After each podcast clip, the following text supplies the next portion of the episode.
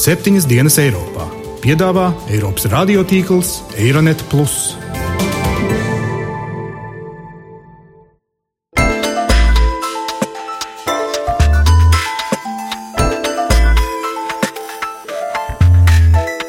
Šonadēļ septiņas dienas Eiropā dzirdēsim. Eiropa skaitās brīvais tirgus. Lauksaimnieki nevar gulēt nevienu dienu. Tirgus ir nežēlīgāks pret mazajām saimniecībām. Our citizens' budget work for them.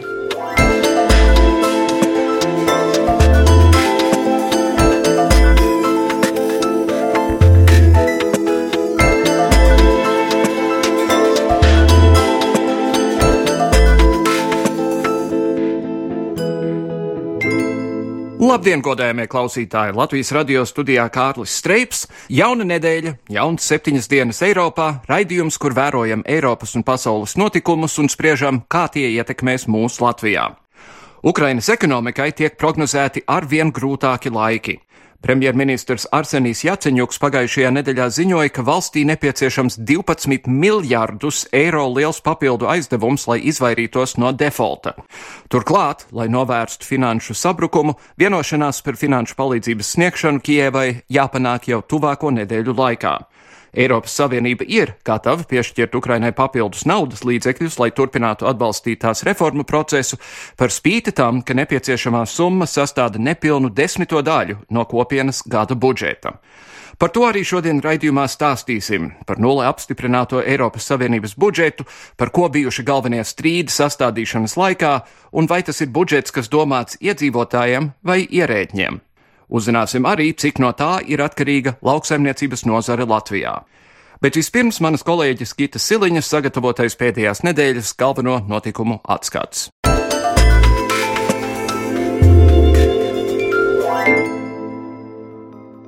Par enerģētiku atbildīgie Eiropas Savienības dalību valstu ministri sākuši meklēt alternatīvas gāzes vada South Stream projektam, ko Krievija nesen nolēma pamest.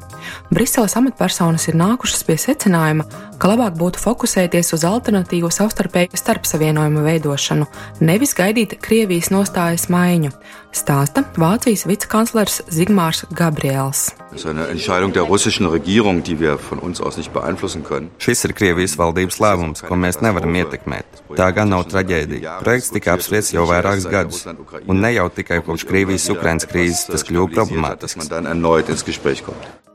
Tās septiņas Eiropas Savienības valstis, kuras būtu projekta dalībnieces, ar vienu no Krievijas gaida paskaidrojumu. Valstis ir aicinājušas Briseli noskaidrot, vai Krievija tiešām to domājusi nopietni. Būdamas oficiālas projekta partneres, tās no Maskavas joprojām nav saņēmušas skaidru ziņojumu. Eiropas Savienība trešdien uzslavēja ASV prezidenta Baraka Obamas administrāciju, ka tā atklāja ziņojumu par centrālās izlūkošanas pārvaldes īstenoto nežēlīgo un, kā izrādās, neefektīvo nopratināšanu. Lielbritānijas pilsonis Mozams Beks, kuru Guantanamo bāzē ieslodzījumā turēja trīs gadus, intervijā raidsabiedrībai Reuters uzsvēra, ka šīs spīdzināšanas netieši noveda arī pie Islāma valsts izveides. Britu palīdzības organizācijas darbiniekam Alanam Henningam, kuram nesen Sīrijā Islama valsts kaujinieki nocirta galvu, un daudziem citiem žurnālistiem viņi lika mugurā vilkt oranžas formas. Ir pilnīgi skaidrs, ka tas bija vēstījums. Ja jūs liekat cilvēkiem Guantanamo un vēl citur vilkt oranžas formas, mēs atmaksāsim ar to pašu. Islāma valsts ir dzimusi Abu Graibas pagrabos. Pēc tā, ko mēs uzzinājām, Mēs esam daudz sliktākā stāvoklī tagad nekā karam pret terorismu sākoties. So Saistībā ar cipu slepenajiem cietumiem izskanējis arī Lietuvas un Polijas vārds. Bijušais Polijas prezidents Aleksandrs Kvasņevskis pirmo reizi atzina, ka Polija tiešām ļāva ASV centrālās izlūkošanas pārvaldei ierīkot slepenu cietumu viņu valstī. Strona amerikāņskā uz Amerikas puse vērsās pie Polijas ar lūgumu atrast tai klusu vietu, kur amerikāņi varētu iegūt informāciju no tiem cilvēkiem, kas piekristu sadarboties. Mēs tam piekritām. Kvasņevskis gan uzstāja, ka Varšava nedeva atļauju tajā spīdzināt ieslodzītos, un pēc polijas spiediena cietums vēlāk tika slēgts. Saistībā ar cipa slepenajiem cietumiem izskanējis arī Lietuvas vārds. Cilvēktiesību aktīvisti uzstāja, ka Lietuvā atradās cietums, kurš dokumentā dēvēts par violeto.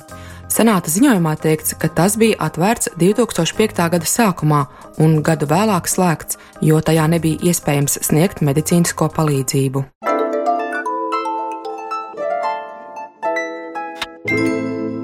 Lauku atbalsts ir viena no galvenajām Eiropas prioritātēm. No visa kopējā Eiropas budžeta gandrīz 39% tiek novirzīti lauksaimniecības atbalstam un lauku attīstībai. Mazliet vairāk, 47% tiek ieguldīti izaugsmē, attīstībā un jaunu darba vietu radīšanā. Pārējā nauda tiek ieguldīta pārvaldē, iekšlietās un pildot Eiropas Savienības starptautiskos pienākumus. Pagājušajā gadā Latvija iemaksāja 248 miljonus eiro, bet pretī saņēma mazliet vairāk nekā miljardu eiro ES finansējuma. No šīs summas lauksaimnieku atbalstam atvēlēta viena trešā daļa vai 351 miljonus eiro. Vairāk par to, vai jaunais budžets tiešām būs kā solīts budžets iedzīvotājiem, nevis ierēģiem, un kādas ir Eiropas komisijas ieceres nākamajam budžeta periodam, uzzināsim Gitas Siliņas sižetā.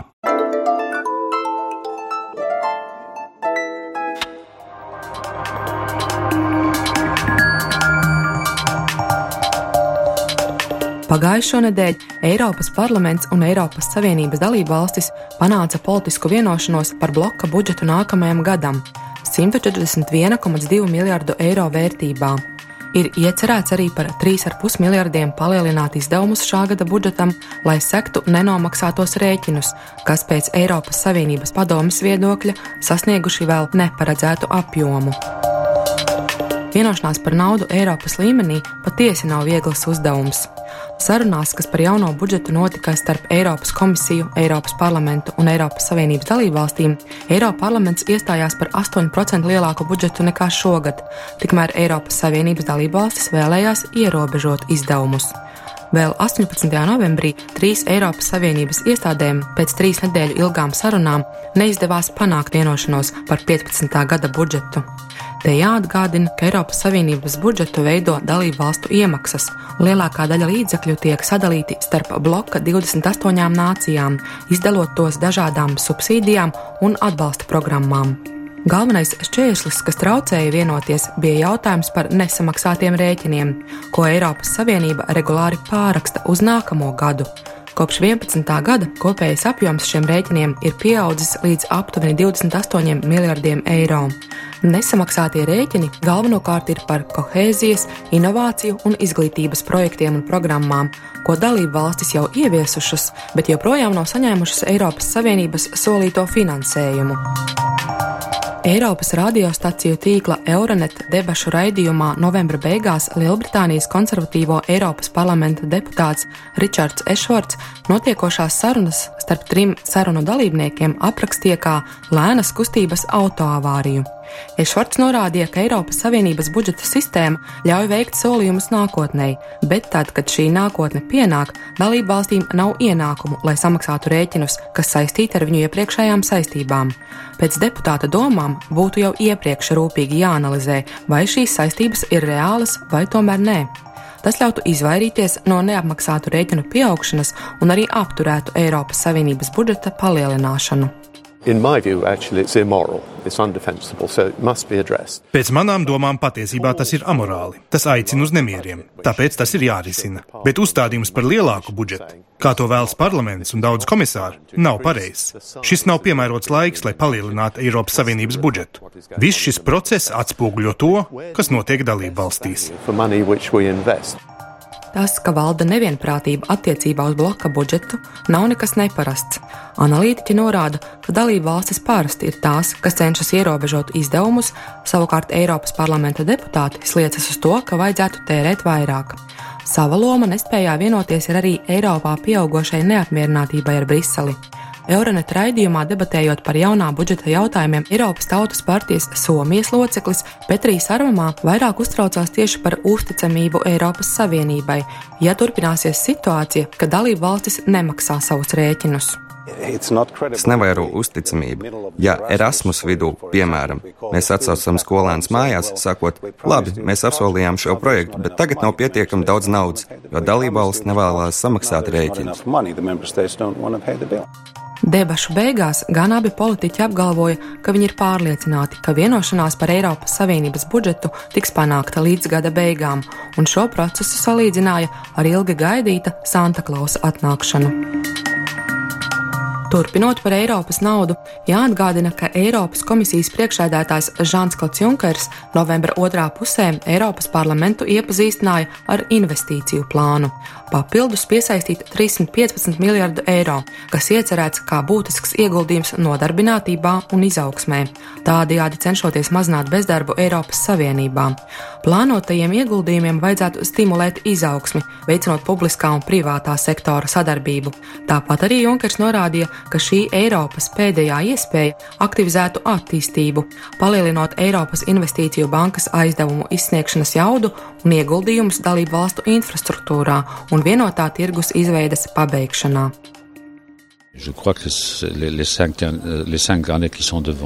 Nākamie pieci gadi mums būs ļoti būtiski. Šī iemesla dēļ es vēlos teikt, ka Eiropai vajadzētu rūpēties par lielajām problēmām, nevis nodarboties ar problēmām, ar ko saskars Eiropieši savā ikdienas dzīvē. Un es gribētu teikt, ka mums par katru cenu ir jāatrod līdzekļi investīciju paketei. Šie 300 miljārdi eiro budžeta konsolidācija varētu būt svarīga, bet politika, kas ir orientēta uz izaugsmu un nodarbinātību, ir nemazāk svarīga. Mums nav izvēles, jo esam uz sabrukuma robežas, no kā jāizvairās pa katru cenu. Ņemot vērā lielo plaisu starp sabiedrības viedokli Eiropā un Eiropas iestādēm, un tāda pati situācija ir attiecībā uz sabiedrības viedokli un valstu valdībām, mums ir jārūpējas, lai Eiropieši tuvinātos Eiropas Savienībai.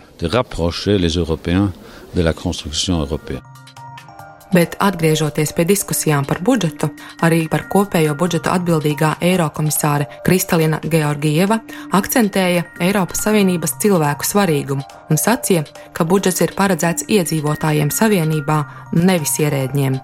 Komisāre uzsvēra, ka sarunās par budžetu komisija centusies ņemt vērā parlamenta un dalību valstu pretenzijas, un norādīja, ka Eiropas komisija spēlēja godīga brokera lomu trialoga sarunās. Tā nav nauda Briselē, tā ir nauda mūsu reģioniem, sabiedrībai, mūsu uzņēmumiem. Viņi gaida, ka pieņemsim lēmumus, lai varētu turpināt savu darbu. Komisijas vārdā varu teikt, ka mēs šajā sarunās darīsim visu iespējamo, lai dotu Eiropai spēcīgāku budžetu. Tā komisāre. Jau norādīts, ka vairākas valstis vēlējās, lai šī un nākamā gada budžets tiktu samazināts.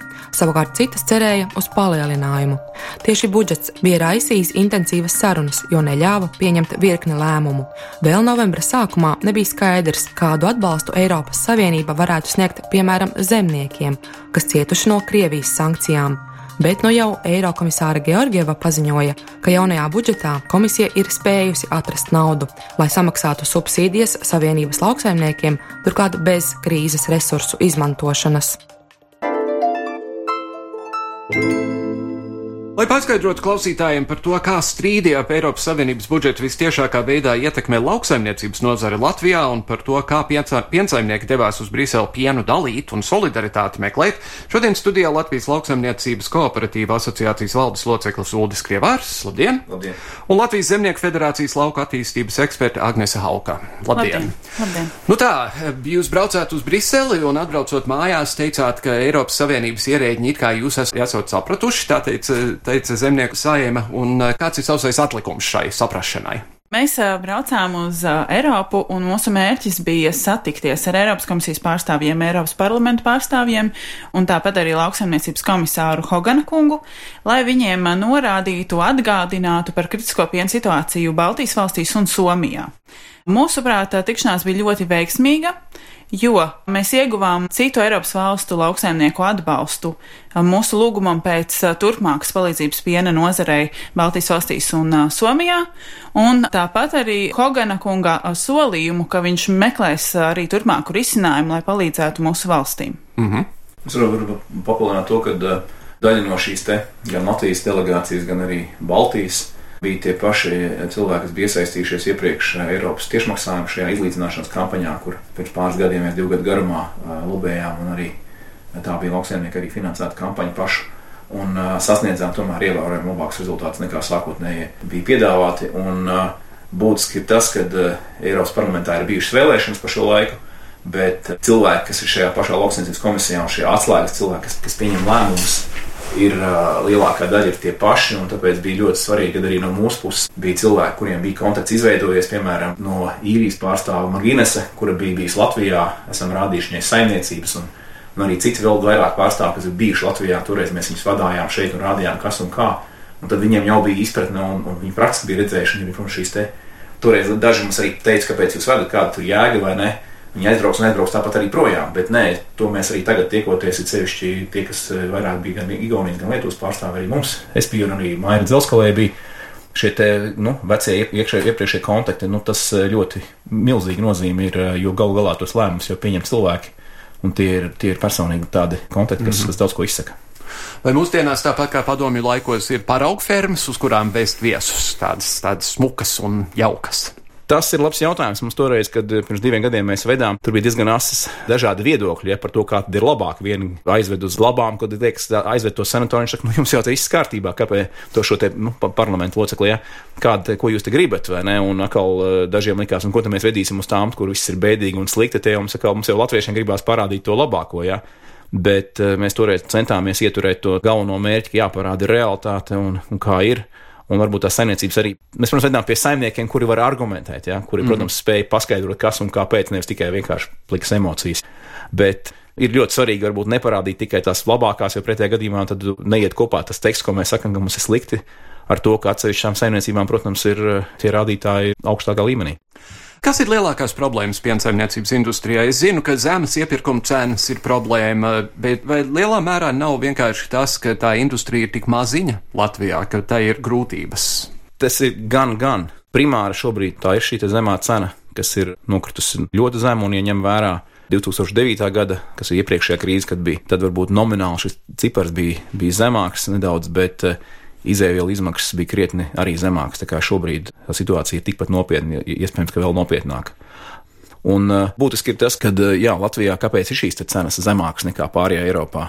Ir pats galvenais, ka šis tirgus, lai arī Eiropa skaitās brīvais tirgus, un uh, visi saka, ka tas ir atvērts, tomēr ir ļoti liela ierobežojuma. Tas nav tikai Itālijā, kur varbūt nelaiž iekšā svešu valstu produktus tik viegli, bet arī tajā pašā blakus esošajā Skandināvijā. Mēs zinām, pirms pāris gadiem bija gadījums, kur uz Ziemassvētkiem pietrūka sviests Zviedrijā. Un tas pats kooperatīvs, kuriem ir gan ražotnes Zviedrijā, gan Dānijā, viņi nevarēja vest Dānijas sviestu, jo Zviedrijas veikalos pietrūka Zviedrijas sviests. Tāpēc bija augšā cenas, un tāpēc bija iztrūkums, ka trūka Zviedrijas sviests. Un, uh, tas parāda šo ietekmi uz patērētāju pērku vietējo preci, it sevišķi šajās valstīs. Viņi pērk par to maksā vairāk, viņi ir pirktspējīgāki, un līdz ar to 90% no šī produkcijas, ko ražo piemēram Zviedrijas vai varbūt Vācijas vai daudz valstu zemnieki, viņi tiek pārdot vietējā tirgu ar ļoti augstām cenām. Mums savukārt vietējais tirgus nav tikai aizsargāts, mums mm -hmm. šī patriots nav, pirktspēja zemāka, un mums arī puse jāeksportē, rupi rēķinot, un šī puse, ko eksportējam, kas aiziet uz šiem Eiropas tirgiem, tur mums ir jācīnās ar tiem varbūt 5%, ko viņi izmet ārā savu lieko pienu. Ja? Mm -hmm. Vēl papildinot par situāciju šobrīd Latvijas piena nozarē, pirmkārt, iepirkuma cenas ir ļoti zemas. Ja, un, ja lauksaimnieks nevar pārdot par vismaz pašas maksas cenu, tad viņam sākas zaudējumi. Un šobrīd tiek ļoti cieši mazās saimniecības, kuru iepirkumu, piena iepirkuma cenas ir uh, vēl zemākas nekā lielāka apjoma saimniecībām. Tas vienkārši tā tirgu notiek, bet uh, visas produkcijas ražošanas izmaksas paliek lielākas, augstākas, un līdz ar to tā atšķirība starp ražošanas izmaksām un ienākumiem, kas tiek iegūts pieņemās spēkā uz negatīvo pusi. Un mazajām saimniecībām arī ir nākas ļoti investēt savu saimniecības attīstībā, jo šobrīd tā tas ir tirgu, kad ir nepieciešams apjoms, lai varētu noslēgt sadarbību ar vai ar veikalu ķēdēm vai ar kādiem pārstrādātājiem. Ir izveidojusies ļoti laba pieredze Latvijā ar kooperāciju piena nozarē, un tomēr, jā, tiem, kas ir mazāk saimniecības, šis laiks ir ārkārtīgi sāpīgs. Bet tādā gadījumā vai, vai nav laiks tomēr industrijai atzīt, ka ja tev ir tikai viena vai divas govis, tu neesi ekonomiski dzīvotspējīgs. Nu, tā, tā gotiņa ir smuka un mīļa un, un tā tālāk, bet Kauls jau bija tas, kas savulaik runāja par kooperāciju kaut, kaut stobra galā, bet uh, jūs, un jums ir taisnība, kooperācija veidojas, bet ja te katru dienu izslaukums ir tikai viens spainis, tad jau nav nekāda piedalīšanās īsti tirgū? Situācija ir tāda, ka uh, ir vairāki aspekti. Mēs, kā Latvijas Zemnieku federācija, iestājāmies par mazām vidējām saimniecībām, un mēs esam pārliecinājušies, ka saimniecību lielums nevienmēr nozīmē, ka viņš ir efektīvs vai neefektīvs. Tas ir uh, ekonomiski aprēķināms, un katrs saimnieks var rēķināt, cik viņam ir vajadzīgas, cik liels govju ganāpulks viņiem ir izdevīgs, vai piena nozare ir vienīgā nozare, vai viņiem ir vairākas nozares saimniecībā, lai viņi varētu gūt pietiekami lielus ienākumus. Arī Arī mazas saimniecības var ļoti veiksmīgi kooperēties. Prēļos ir ļoti veiksmīgs piemērs kooperatīvam, kurā ietilps 200 mazas saimniecības. Tas lielākais izaicinājums tādām mazo saimniecību kooperatīvam ir attālumi no vienas saimniecības uz otru, un tad piena savākšanas transporta izmaksas ir ļoti lielas, kas atkal nav vienā lielā saimniecībā, kur mašīna aizbrauc, uzpildās un to pienu aizved uz pārstrādi. Tas ir izaicinājums, bet ja būtu vairākas saimniecības, pat ja viņas ir mazas, bet vienā tādā pudurītī, tad es domāju, ka uh, viņas būtu līdzsvarā ar vienu lielu fermu. Plus viņās noteikti būtu nodarbināti vairāk cilvēku un vairāk mm -hmm. ģimenes dzīvot laukos, kas arī mums Latvijā ir ļoti svarīgi. Es vēl piebildīšu to, ka kā kooperācijā mēs redzam kooperatīvi, ka lielākie ieguvēji kooperācijas ir tieši mažā, mazās saimniecības, jo lielās saimniecības nereti mēdz būt tik lielas, ka viņas arī pašas vismaz domā biežāk, ka viņi var dabūt labāku cenu, kaut gan parasti tā nav bet tīri proporcionāli, jā, tirgus ir nežēlīgāks pret mazajām saimniecībām, un gan šī loģistika, gan arī zināmā mērā tur daži citi aspekti, mārketings, un tā kā visi cīnās par tiem lielajiem, un mazie vislielākie ieguvēji tiešām no kooperācijas ir mazās saimniecības, vidējās un mazās. Un, teiksim, par pašizmaksu runājot, jā, tieši šī piena savākšana izmaksas ir būtiskas, un ja šīs saimniecības ir tā kā prēļu pusē ir vienā klasterī kopā, kur brauc pa ceļu ik pa simts metriem, gandrīz vai vienā pusē, otrā pusē var savākt, tad tās izmaksas arī ir paceļamas. Bija piensaimniecības konferences, kooperatīvas asociācijas organizēta, kurā arī piedalījās Latvijas Universitātes rektora Pilvers kundze, un viņas pētījums bija tieši to par ekonomiskajām pašizmaksām, un bija vairāk pārpa simt saimniecības statistikas dati analizēti, un tā kā bija tā doma Vai tā ir, kā visi sagaida, ka lielajās saimniecībās tās pašizmaksas ir zemākas? Latvijas dati to neparādīja. Īstenībā bija jāatzīst, ka īsti tādus konkrētus secinājumus izdarīt nevienā virzienā nevarēja. Mm -hmm. Tā kā varbūt šeit nav stāsts par lielajām, mazajām. Vienīgais, kas vairāk cieši šobrīd, ir arī tās, kuras ir paņēmušas kredītus, gan lielās, gan mazās, kuras ir attīstījušās pēdējo pāris gadu laikā, nevis, teiksim, pirms desmit gadiem. Nu, jā. Šajā kontekstā vai kaut kāda ietekme sāk veidoties no tā, ka naftas cenas pasaulē ir, ir tik ļoti lielā mērā kritušās? Tas varbūt tagad sāk ietekmēt, teiksim, degvielas izmaksas, kas ir pozitīvi, kad ir varbūt zemnieki varbūt lētāk, mazāk patērē par dažiem centiem uz šo degvielu.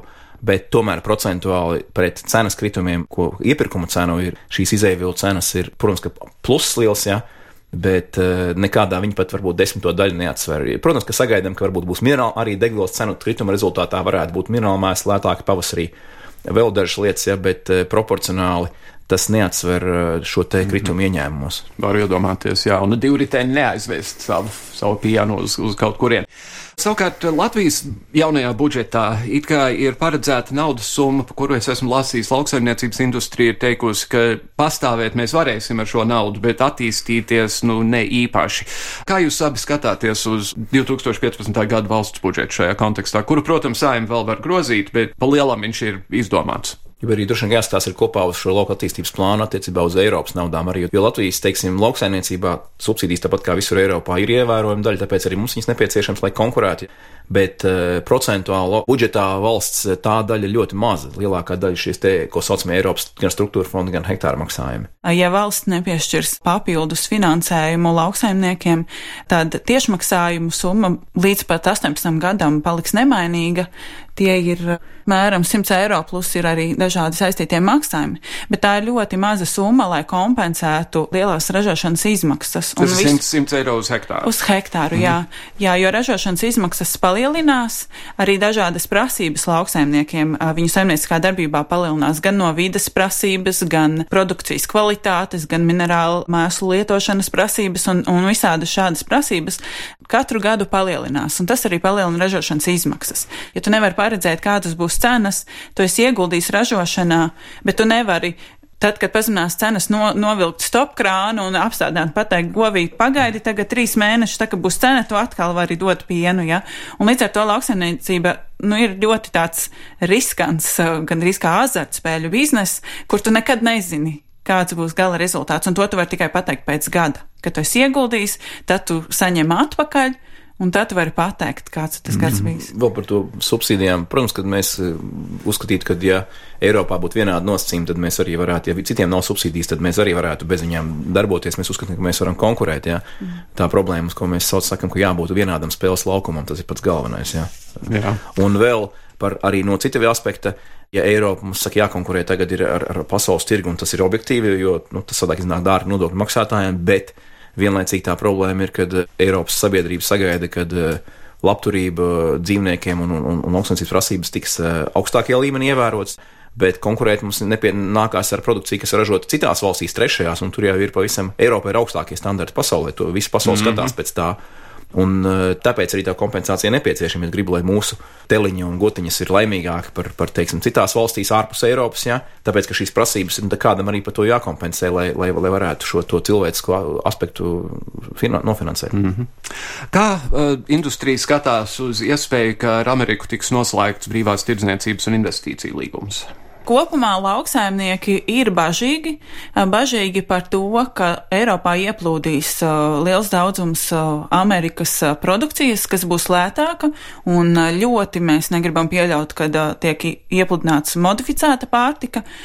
Un arī nu, ir jautājums par Eiropas produktu konkrētspēju cenu izteiksmē.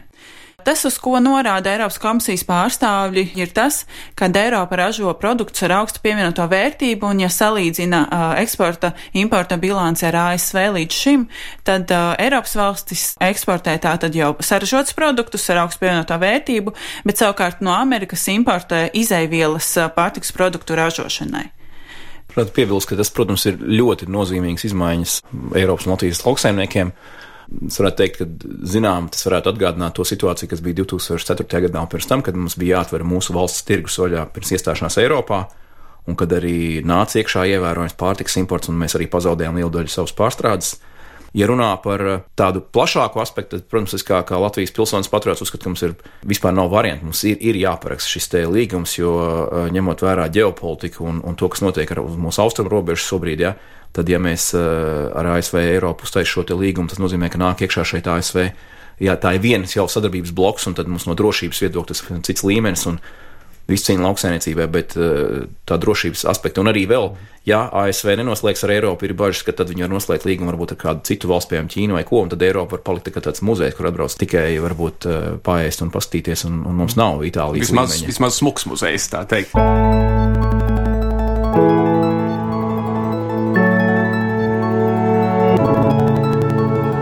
Jūs jau teicāt, ka lauksaimniecībā ir grūti kaut ko paredzēt, bet, bet ar, ar kādām emocijām jūs skatāties uz 2015. gadu? Kas, nu, kas varētu notikt tālāk?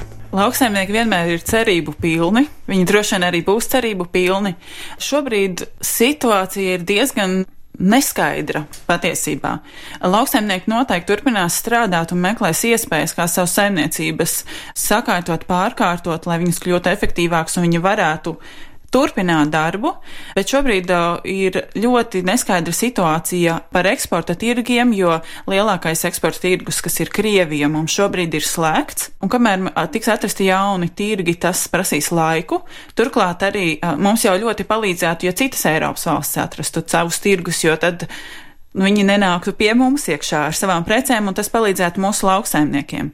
Vēl viens liels izaicinājums uh, un, un tādas pārmaiņas, ko piena ražotāji gaida, un, un tā līdz galam nevar saprast, kāds varētu ietekmēt, ir piena kvotu atcelšana nākošajā gadā. Tas nozīmēs, ka uh, teorētiski varēs ražot, uh, cik nu kurš spēs, bet atkal ir jautājums par tirgu. Jo saražot var, Latvijas lauksaimnieki var saražot, ir vajadzīgs, kur noiet tirgus. Nu, skatīsimies, patiesībā tā ļoti tāda neskaidra situācija šobrīd ir, un visi tādā zināmā mērā taustās ir tāda ļoti liela nestabilitāte lauksaimniecībā, kas arī lauksaimnieki nevar gulēt nevienu dienu, viņiem ir visu laiku jādomā un jāsako līdz jaunumiem, lai viņi varētu turpināt savu uzņēmēju darbību. Mm -hmm. Tas, kas notiek piena nozarē, mēs arī dzirdējām, piedaloties šajā komisāra Hogana uzstāšanās bija un jautājumu atbildēšana Eiropas parlamentā, kur šie lauksniecības komisijas locekļi uzdeva jautājumus un divas trešdaļas no tiem bija ļoti nobežījušies par piena nozari. Tā kā šobrīd tā krīze ne tikai ir Baltijā, bet arī visā Eiropā.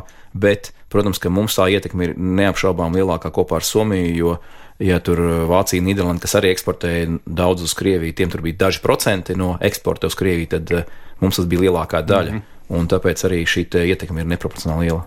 Nu, atliek vienkārši teikt, lai veicas. Es centīšos dzert vairāk pienu, ko es daru maz. Uldis Krievērs un Agnes Halka, paldies jums abiem par sarunu. Paldies!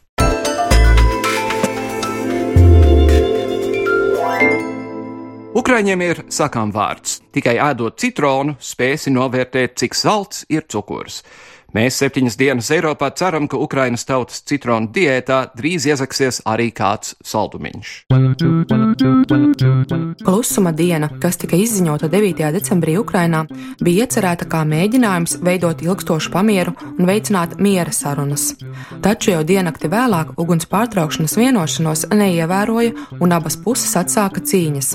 Vai varam sagaidīt, ka tuvākā laikā Ukrainā kara darbība beigsies, komentē Austrumēropas politikas pētījums pētījumu centra pētnieks Māris Cepurītis. Ukrainas prezidents Porošenko paziņoja, ka uh, piekdiena ir teiksim, tā pirmās 24 stundas uh, bez kritušajiem Ukrainas pusē. Tas liecina, ka ir panākts uh, zināms pamieris, lai gan šajā te laika posmā viņu var raksturot kā diezgan trauslu. Un tālākajā attīstībā un potenciālā konflikta noregulējumā daudz kas būs atkarīgs vai būs iespējams konsolidēt savā ziņā šo te pamieru, ieviest viņu diezgan praktiski, lai tas turpinātos ne tikai uz dažām dienām, bet uh, arī varbūt ilgāku laiku. Līdz ar to tagad tuvāko dienu laikā, kad plānot šīs miera sarunas, tad būtu ļoti svarīgi sakot līdz tam, uh, vai miera sarunās par ko tiek runāts un, un kādi ir mēģinājumi panākt to noregulējumu. Bet kopumā tā kopējā tendence ir, var arī izrādīties diezgan negatīva, jo vienlaicīgi jau kāds pamieris var tikai liecināt par mēģinājumiem iezīmot konfliktu, kad abas puses vienojas par to, ka nu, savā ziņā uz ziemas mēnešiem tiek pārtraukt aktīvā militārā darbība, bet vienlaicīgi tiek izvērsta aktīvāka politiska darbība, kur abas puses mēģina arī turpināt aizstāvēt savas intereses. Ar to arī izskan šīs nedēļas septiņas dienas Eiropā. Ir ļoti noteikti jāatceras, ka par spīti visām problēmām, kādas ir mūsu valstī, Eiropas Savienības palīdzība mums ir daudz lielāka nekā tā nauda, ko mēs tai sūtām. Līdz ar to iestāšanās Eiropas Savienībā bija pareizais variants, ja arī mēs nevaram piepildīt visas vēlmes, kādas mums tajā sakarā ir. Paldies, dāmas un kungi, ka šodien klausījāties līdz nākamajai nedēļai. Visu labu!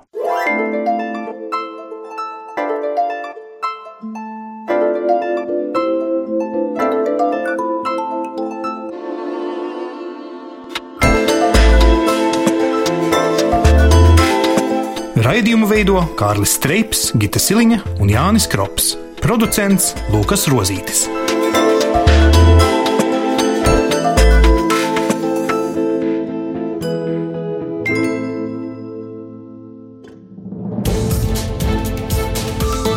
Visus Eironet plus sižetus un raidījumus meklējiet Latvijas radio mājaslapā.